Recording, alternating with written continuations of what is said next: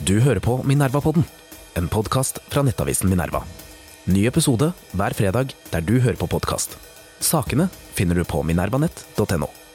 Minerva-podden er en podkast fra avisen Minerva. Det er gratis å lytte til Minerva-podden, men det er ikke gratis å lage avisen. Hvis du vil støtte Minerva, kan du tegne abonnement ved å gå inn på minerva.no abonnement, eller du kan vippse oss penger for å vise at du setter pris på podkasten, til mediehuset Minerva. Velkommen som abonnent.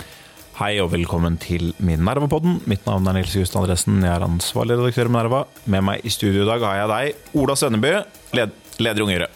Velkommen. Hei. Noen vil ha fått med seg at det har stormet litt rundt Nasjonalmuseet den siste tiden. Du har fått med deg, Ola. Du har skrevet litt i Aftenposten om problemene med det, det synet som disse kulturlederne har. Stina Høgquist, som er samlingsdirektør, som da uttalte uttalt i Aftenposten eh, en rekke ting om hva slags kunst som skal stilles ut. De vil vise flere kvinnelige kunstnere, flere samiske kunstnere, mer kunst av personer som ikke tilfeldigvis er født med hvit hudfarge.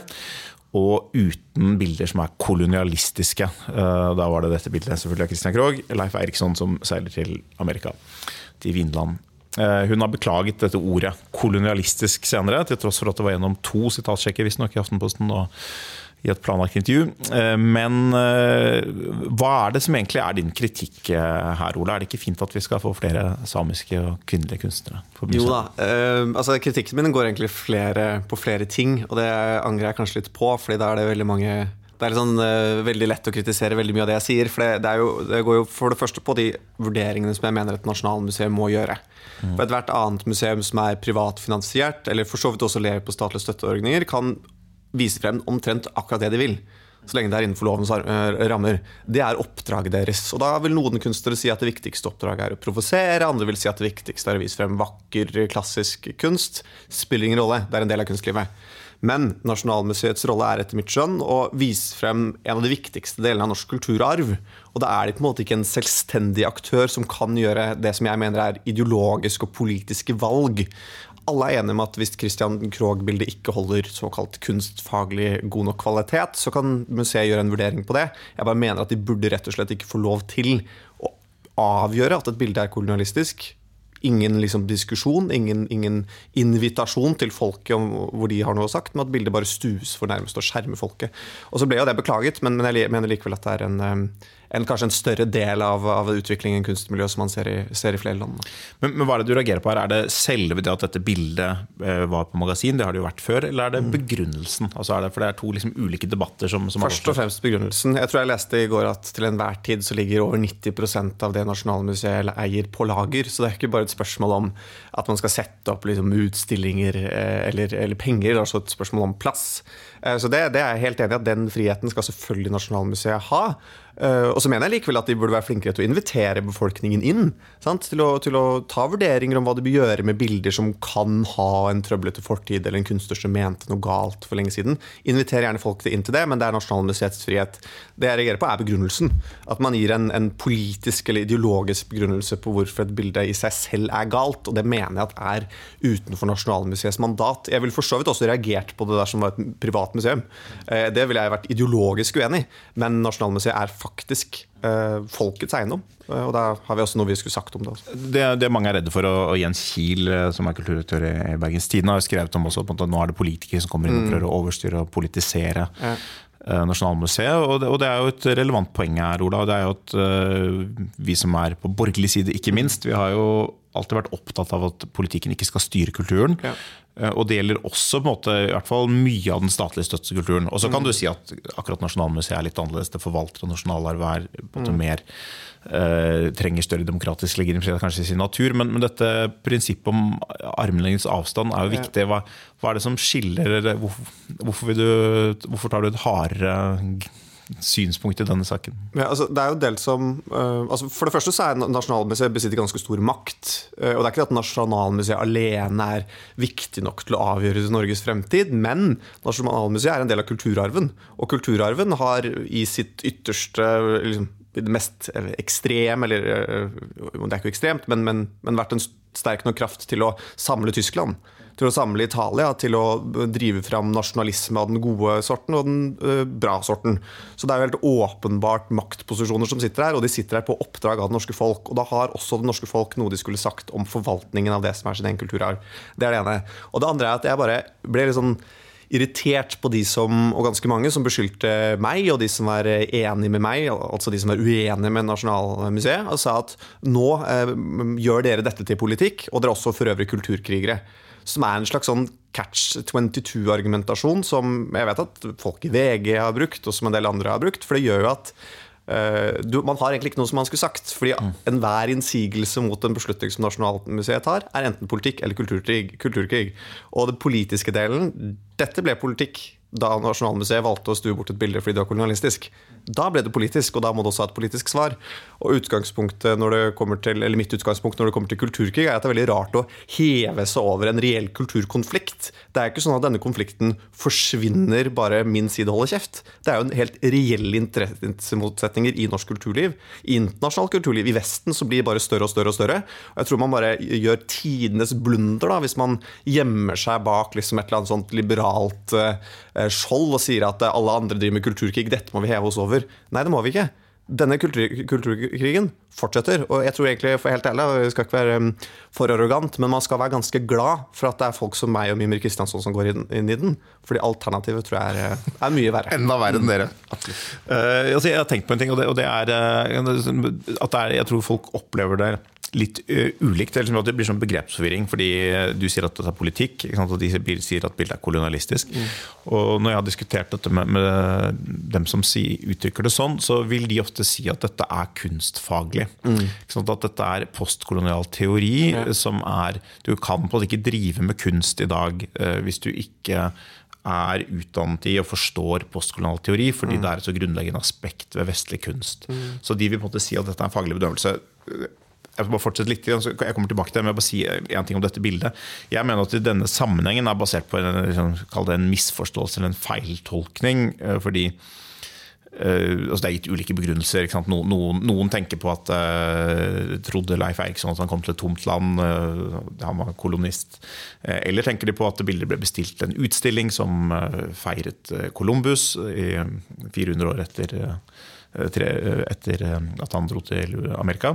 Man kan tenke sånne ting. Jeg syns det bommer ganske mye, fordi bildet er jo skapt i en norsk kontekst. og Selv om det er et norsk svar på denne Columbus-utstillingen, så er det også ikke et bilde av Columbus, mm. Eh, men det er et bilde av Leif Eiriksson som kom til Vinland. Vi vet ikke akkurat hva som skjedde der. Det koloniserte neppe så veldig mange av de som bodde der. Kanskje ble de drept, kanskje ble de, døde de av mm. sykdom. Kanskje dro de sin vei, vi vet ikke helt. Men, men, det er liksom et veldig dårlig eksempel på kolonialisme. Og konteksten det ble til, er heller ikke noe åpenbart eksempel på det. ut fra det vi vet om Christian Krogh. Man kunne nesten heller si at det var Nå mener jeg ikke at Norge var en svensk koloni, og jeg mener at vi, vi hadde, Norge hadde på mange måter et godt århundre i union med Sverige, men, men uh, dette er jo på den tiden hvor konsulatsaken er det som virkelig preger norsk politikk. Mm.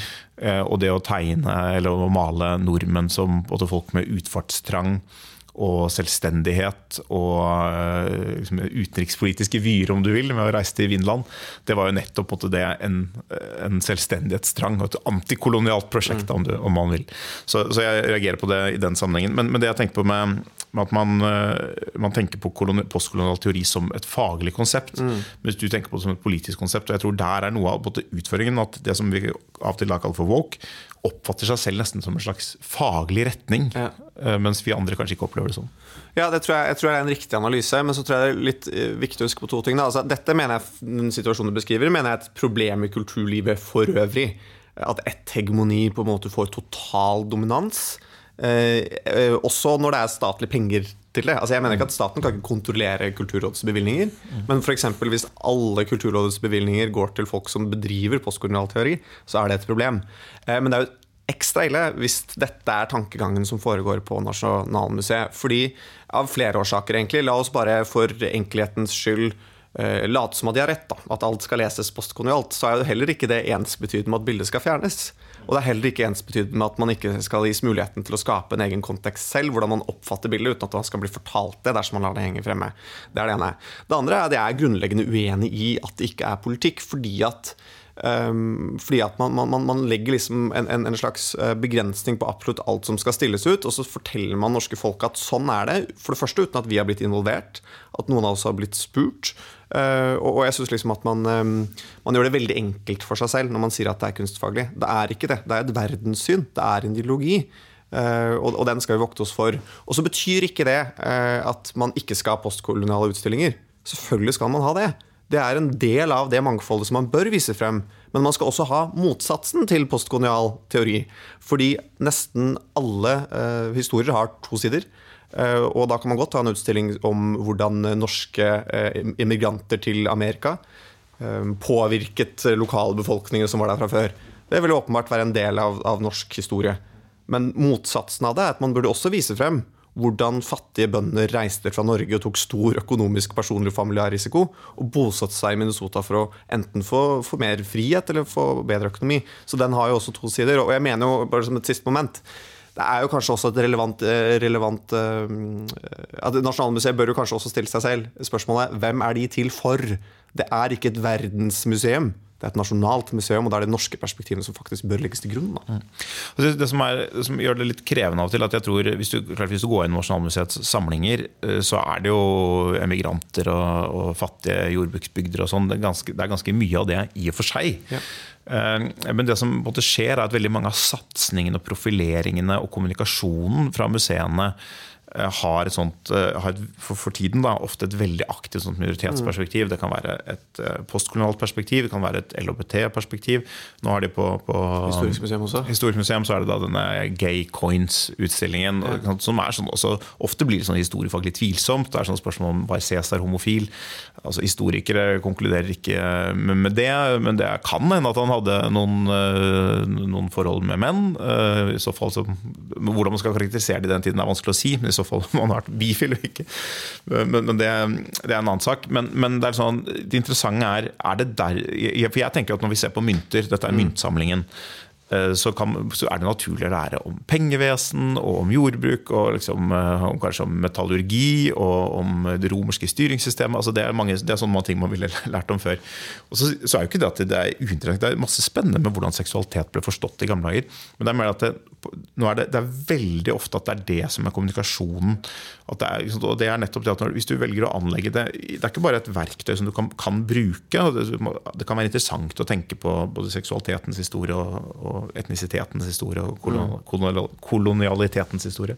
Men det, det blir briller som du ser alt gjennom. Og det er på en måte veldig besnærende. Jeg skjønner litt hvordan det egentlig oppstår. fordi Hvis du tar på deg hvilken som helst briller, egentlig, så, så, vil du alltid kunne se noe gjennom dem. Mm. Så hvis du sier kolonitiden var en veldig viktig del av vestlig historie og norsk historie hele tiden fra 1500-tallet og til eh, liksom, opp mot i dag. Eh, så vil du på ethvert kunstverk som er skapt en gang på 1800-tallet, så vil du finne noen forbindelser til det. Og, og for dette Eriksson, Leif Eriksson-bildet så er jo det ja, en ting at er, de drar til, til, Vinland, men det andre er denne utstillingen, ikke sant? som selvfølgelig har et kolonialt aspekt. i en viss forstand. Det er ikke det samme som at Christian Krogh som sitter og maler dette i Norge, at det er det mest relevante som, som, skjer når dette bildet blir til, eller når det blir mottatt i Norge. Det vakte ikke så veldig stor oppmerksomhet i USA. Det, det, det fikk først en, en, posisjon etter at det kom, mm. kom tilbake til Norge. Uh, og det er på det at du kan alltid finne eh, du, du, kan, du, kan, alltid sette noe i sammenheng med det, med det, som skjer der, enten det er handel eller politiske beslutninger, eller sånn, så vil det ett eller to ledd ut, så vil det være en mm. forbindelseslinje til kolonitiden. Fordi det var et viktig aspekt ved samtiden. Ja. Men det var allikevel ikke en, det eneste som skjedde. Og i veldig veldig mange sammenhenger så var det også i en viss forstand helt perifert for de ja. menneskene som var involvert.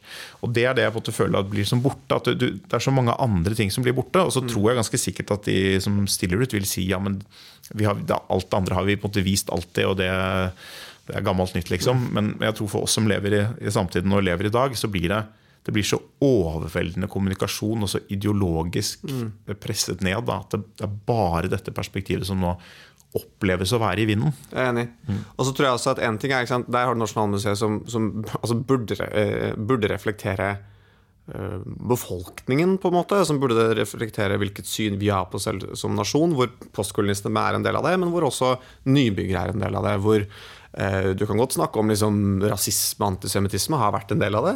Men også, bare, men også hvordan man har undertrykt sine egne skogfinner, samer. Sant? Alt dette er en del av det. Men problemet mitt er for det første, jeg er helt enig med deg, når, når det er liksom det man føler at man får dyttet på seg som det eneste narrativet på Nasjonalmuseet. Men jeg tror det blir enda verre hvis du summerer opp liksom, Historisk museum, Nasjonalmuseet, ta med bevilgningene fra Kulturrådet, eh, alle de støtteordningene og finansielle musklene som staten bruker i kulturlivet, hvor mange av de har samme inngang til vår tids dilemmaer eller spørsmål eller hva som helst. Jeg er villig til å vedde på at minst 90% har en inngang fra kulturvenstre. Altså ikke Mimir Kristiansson Venstre, men eh, Sofia Rana Venstre.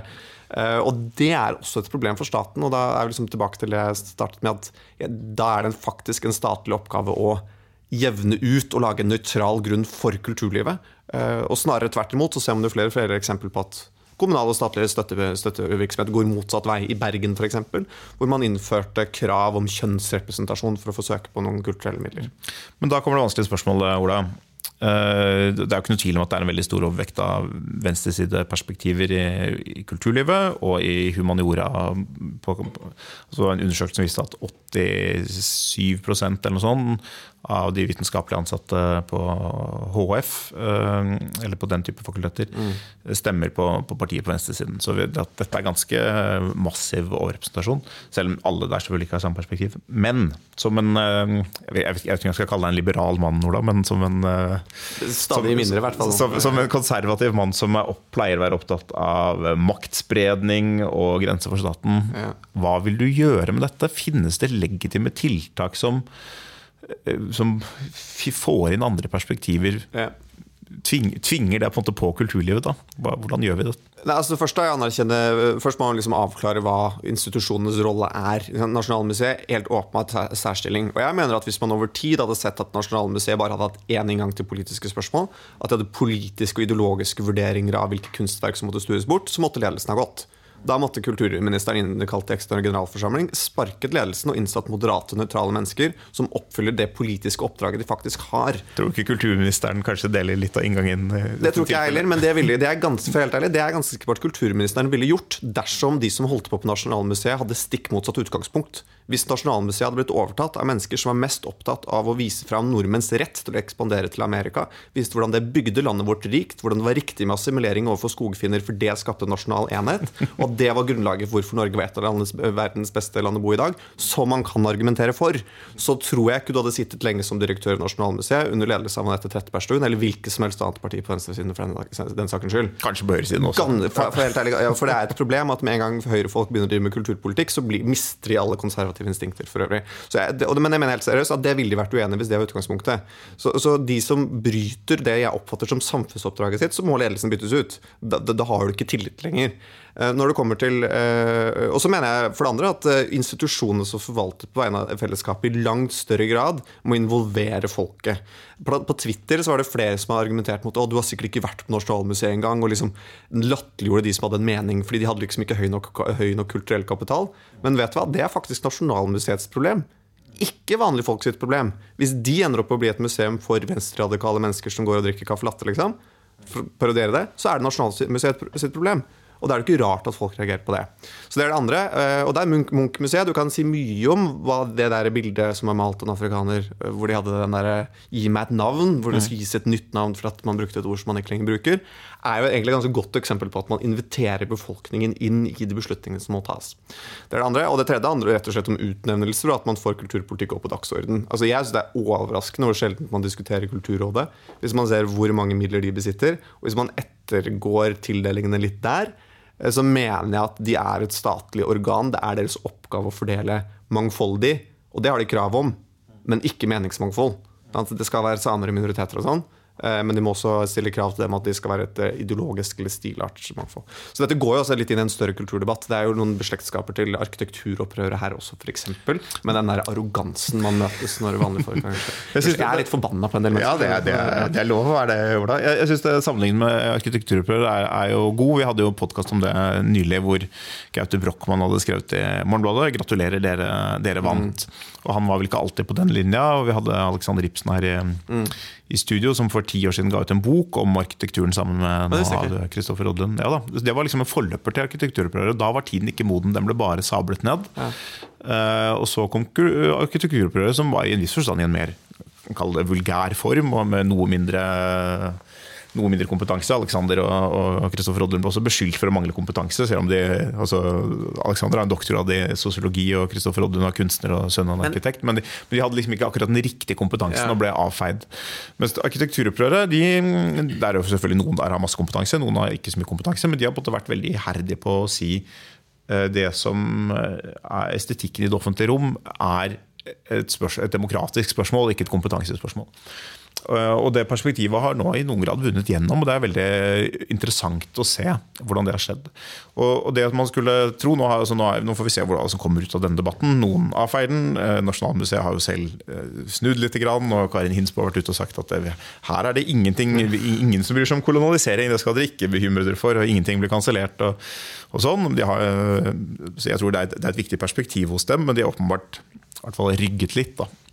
Eh, Men det er interessant å både se akkurat hva, hva er eh, Hvordan møter man sånt folkelig engasjement? Mm. Sier man ja, dere har ikke nok kunstnerisk kapital, eller, sier man eh, det er kulturell kapital? Sier man det er flott at dere engasjerer dere i kunsten?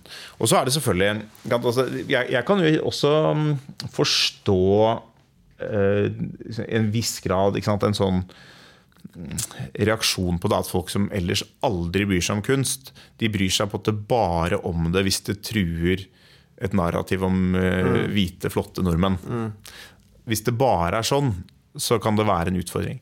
Og, og i noen grad så er det selvfølgelig alltid sånn, og og derfor reagerer noen. Jeg tror at det som skjer her, er jo på en måte nettopp at det er en Eh, det er en tendens som er bred i kulturlivet, og som får noen utslag. Og hvert enkelt utslag trenger liksom ikke å være en katastrofe i seg selv. Nå Denne uken ble det jo veldig mye. ikke sant? Nå har det vært Roald Dahl-bøkene har vært uh, gjenstand for sensitivitetslesning uh, og sånn. Uh, og så er det dette her. Og så er det denne diskusjonen om dette kompliserte ordet woke, som noen mener ikke fins. Jeg så en debatt på, på TV 2 i går hvor Eh, Dan Bichoy eh, angrep da denne eh, sensitivitetslesningen av Roald Dahl, men den ble forsvart av noen andre. Eh, Og jeg tror at du du kan på en måte ikke Du kan nesten ikke både si at woke ikke fins, og forsvare sensitivitetslesing. Fordi så, fra, Sett fra mitt perspektiv, i hvert fall, så er den formen for sensitivitetslesing hvor du organisert hyrer inn et folk med et helt bestemt sett med jeg kaller det verdier og, og føringer for hva, hva som skal være. Det er på en måte litt av det vi kaller woke. Uh, som en sånn uh, min, min definisjon av woke pleier å være det som uh, Forskjellen på det som var politisk korrekt i 2000 og, for 15 år siden og 2008, eh, og det som den progressive siden mener i dag. Det er et, det er et spekter av andre ord du bruker om eh, både om etnisitet og om kjønn eh, og en del sånne ting. På den ene siden er det det, eh, og på den andre siden er det eh, en måte å tilnærme seg alle disse spørsmålene på hvor man, eh, hvor man nettopp ser hele sitt verdensbilde som en sånn slags faglig, uangripelig konsensus som det, som man, man liksom nesten ikke skjønner at Man skjønner nesten ikke at det kan være politisk uenighet. Så de som er uenige, blir det, går nesten ikke an å diskutere det engang, for de blir bare avfeid. Jeg leste på han Facebook-siden til han Mohammed Abdi i går. Han har vært sånn aktiv i noen woke-debatter og sånn. Hvor liksom motstanden var Dette viste bare hvordan nordmenn ikke tåler at eh, nasjonalismen i dem blir pirket borti. Dette viser Han kalte vel også provinsiell debatt. Og det er jo åpenbart altså Det pipler frem stadig vekk en ganske sånn tydelig folkeforakt. Og et ønske om liksom intellektuelt heve seg over folket blant deler av av de som engasjerer seg i kulturdebatter. Da. Eh, Og Det er ikke alltid det varierer hvilken form det får. Det mest åpenbare har kanskje så langt vært arkitekturopprøret. Hvor man liksom øh, Hva var det ene sa i Dagsnytt 18? Nei, Dagsnytt 18 man må bruke mer enn lillehjernen. Reptilhjernen. Reptilhjernen. ja. sant? Det var bare reptiler som likte god arkitektur. Men man ser det også litt nå. Så jeg tror at øhm, ja, det er helt åpenbart en del for liksom Nesten sånn behov for å heve seg selv over debatten, liksom. Og, og det er veldig, veldig synd. da Ja, altså, men jeg tror, altså, Abdi var, blant, eller var jo med på denne Gi meg et navn-saken Ja. på Munch, som jeg syns var en veldig fascinerende utstilling. Og, og jeg synes det er noe interessant også, Jeg tror det er eh, En annen tilnærming til woke er at altså, politisk korrekthet var ofte Ja, det var kanskje en elite som forvaltet det, men det var ofte sånn ganske bredt aksepterte ting. Eh, du skal ikke liksom, Det er en del virkelig stygge ting som du ikke skal si. Du skal ikke skjelle ut folk. Det er, det er politisk korrekt å si vi skal hjelpe flyktninger og ikke la dem dø, liksom. Og så er det sånn, ok, det er en uenighet om innvandringsdebatten, men, men det var sånn man brukte politisk korrekt. Befolkningen var kanskje delt på midten omtrent i noen av spørsmålene. Men det som er med woke, er at det ofte forvalter et regime som er delt av veldig få. Og arkitekturopprøret var liksom et første sånn eh, tegn på det. at eh, veldig veldig stort flertall av befolkningen foretrekker tradisjonell arkitektur fremfor mye moderne arkitektur. Ja, men det fins selvfølgelig flott moderne arkitektur også, men Ja, veldig lite. ja, ja, det, jeg mener at det finnes, men, men, men undersøkelser viser at befolkningen er veldig tydelig på det. Ja. Og, og det er nok det samme del sånne woke-ting eh, i flere av de debattene som går. At både den mest, i hvert fall den aktivistiske siden i sin, i sin reneste form, den samler veldig få. Altså det, er, det er veldig få som er fullt ut enig med Foreningen FRI, f.eks. Jeg jeg fikk ikke anslå en prosent, men jeg tror et stort flertall er, er ikke helt enig, i hvert fall.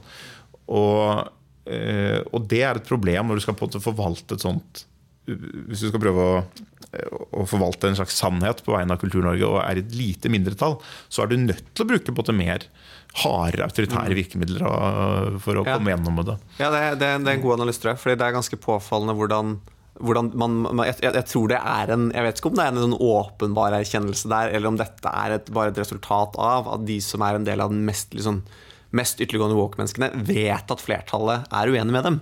At, eh, jeg vet ikke om, om det er en naturlig del av ideologien at man ønsker at folk skal holde kjeft, og at man ikke ønsker debatt, eller at det er bare en erkjennelse av at, av at det er sånn. Jeg Men det begynner jo, jeg levde ikke der, men det begynner jo liksom å lukte litt sånn ikke være for konspiratorisk eller ytterliggående, minner litt om eh, marxistiske studiesirkler på Universitetet i Oslo på 1970-tallet. Liksom. Ja. Med liksom en liten klasse som utpekte seg selv som talspersoner for arbeiderklassen, uten at de hadde noen demokratisk eller folkelig legitimitet. Jeg tror Noe av det som forkludrer det, og litt for begge sider, er jo på en måte at dette importeres i noen grad fra USA. På, Ja. på begge sider? Og i USA så er eh, høyresiden verre enn den er i Norge, vil jeg påstå. Det vil jo kanskje ordlegge meg litt annerledes, for det høres ut som du sier at man har det samme utgangspunktet der. At Høyre bare er litt mindre ille, men fortsatt ille. Liksom. Det er en helt annen høyreside. Det er en helt annen høyreside, men det betyr at eh, det som de som er altså, Og da blir det for det første sånn at ok, woke-gruppen er på en måte liten undersøkelse viser det, at det er sånn 10% eller noe sånt som har de holdningene som man typisk forbinder med det. Men det er en veldig stor andel som har en veldig sterk empati apa, øh, Ikke apati, men antipati mot ja. motsatsen. Eh, og det, sant, hvis det er eh, Ok, Det er ikke alle som mener at du skal ha abort til uke 40, men det er mange som syns at uh, Westbrook Baptist Church ikke, ikke, men, Det er mange som syns at republikanerne er helt på trynet i disse spørsmålene. Og Det samme gjelder selvfølgelig altså alt fra liksom, uh, å forby uh, eh, kjønnskorrigerende behandling, eller kjønnsbekreftende behandling. Eh, det, det er mye steilere fronter, og det betyr at eh, standpunktet på den andre siden har heller ikke så stor oppslutning. Så Det er på en måte en stor gruppe i midten som føler seg litt fanget, kan du si, men, men det, er flere, det er lettere å sogne mot woke-siden, fordi den motsatsen er verre. Ja. Eh, så, men jeg tror kanskje det er sånn en del her også oppfatter det. da, ikke sant? Sånn som Abdi når han ser den reaksjonen på dette bildet. Ikke sant? Så, ser, så For ham så vil jeg tro at dette kan ser ut som ja, her er det en hvit mann som er noe sånn ekspansjonistisk norsk. Uh, der der fins en kolonial bakgrunn for utstillingen bildet var på. Bla, bla, bla. Det er da nordmenn fyrer seg opp. Det er da de reagerer. Mens hvis når det er noe annet, når det er noen samer som blir forbigått eller uh, kansellert eller fjernet fra en utstilling, så er det ingen som merker det engang. Fordi vi bryr oss ikke. Og det, jeg, jeg, klarer, jeg kan skjønne det perspektivet i en viss forstand, men jeg tror at det er Altså, nei, det, altså jeg, jeg kan intellektuelt forstå det, men for det første så er det Du, du, du Jeg tror det først og fremst sier noe om hva slags utgangspunkt du har til samfunnet du lever i fra før. Og jeg kan også forstå at hvis du tar på deg eh, øh, rasistiske hvite briller, så ser du privilegier til flyktninger overalt. Men det betyr jo ikke det at de objektivt sett er der. Eh, Så det syns jeg er intellektuell latskap. Jeg syns det er litt sånn rart at man gir det så mye oppmerksomhet også, da. For liksom på et eller annet tidspunkt så må det bare være lov å si det stemmer ikke. Du tar feil. Ideologien din gir ikke mening. Dette henger ikke på greip. Uavhengig av hvor mye man kan forstå at de ser gjennom verdensbildene sine. For altså, dette vil jeg jo ja, Kan mulig angre på at jeg har sagt, men hva mener at det er, det er liksom ja, du, du, du, det, er- det, er, ikke rart at de Det sier mer om samfunnet, hvilken plass du velger å ta i samfunnet. Liksom. Ja, ikke sant? Så, så, det, så det er- baserer seg på at du sier at i samfunnet så finnes det en stor gruppe som eh, er blinde for hvite privilegier Ja. og, og sånn, og, og det det kan, altså jeg, det, det kan det i og for seg være, men jeg, det tror jeg, jeg er sånn at det, tenker jeg, det er nok i og for seg sant. Samtidig så er hvite privilegier ikke det eneste eller den viktigste linsen og, eller brillene å se samfunnet med, selv om det av og til både finnes og av og til er, er viktig å diskutere.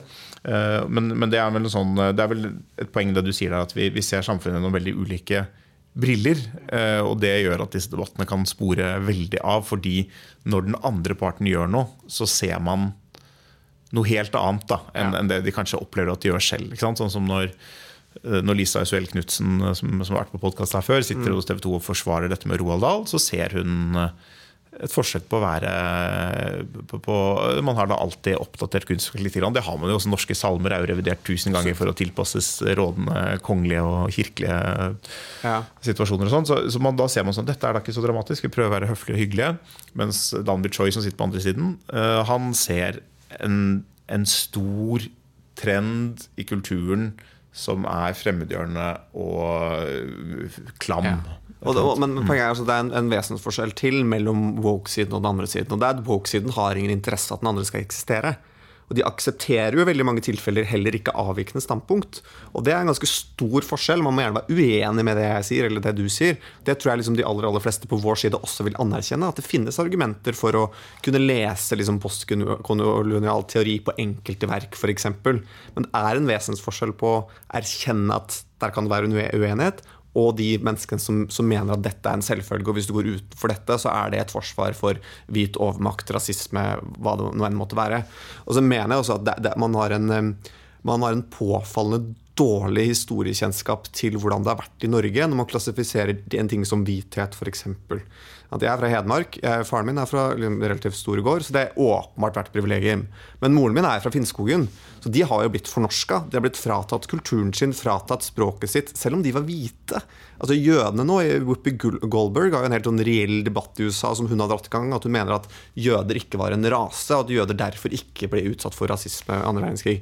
Og det vil jo få helt sånn hårreisende standpunkt når du har en så enkel liksom, teoretisk analyse, som er ganske sånn fornedrende overfor de menneskene i Norge som har helt andre erfaringer, og som har en helt annen historie enn de har også.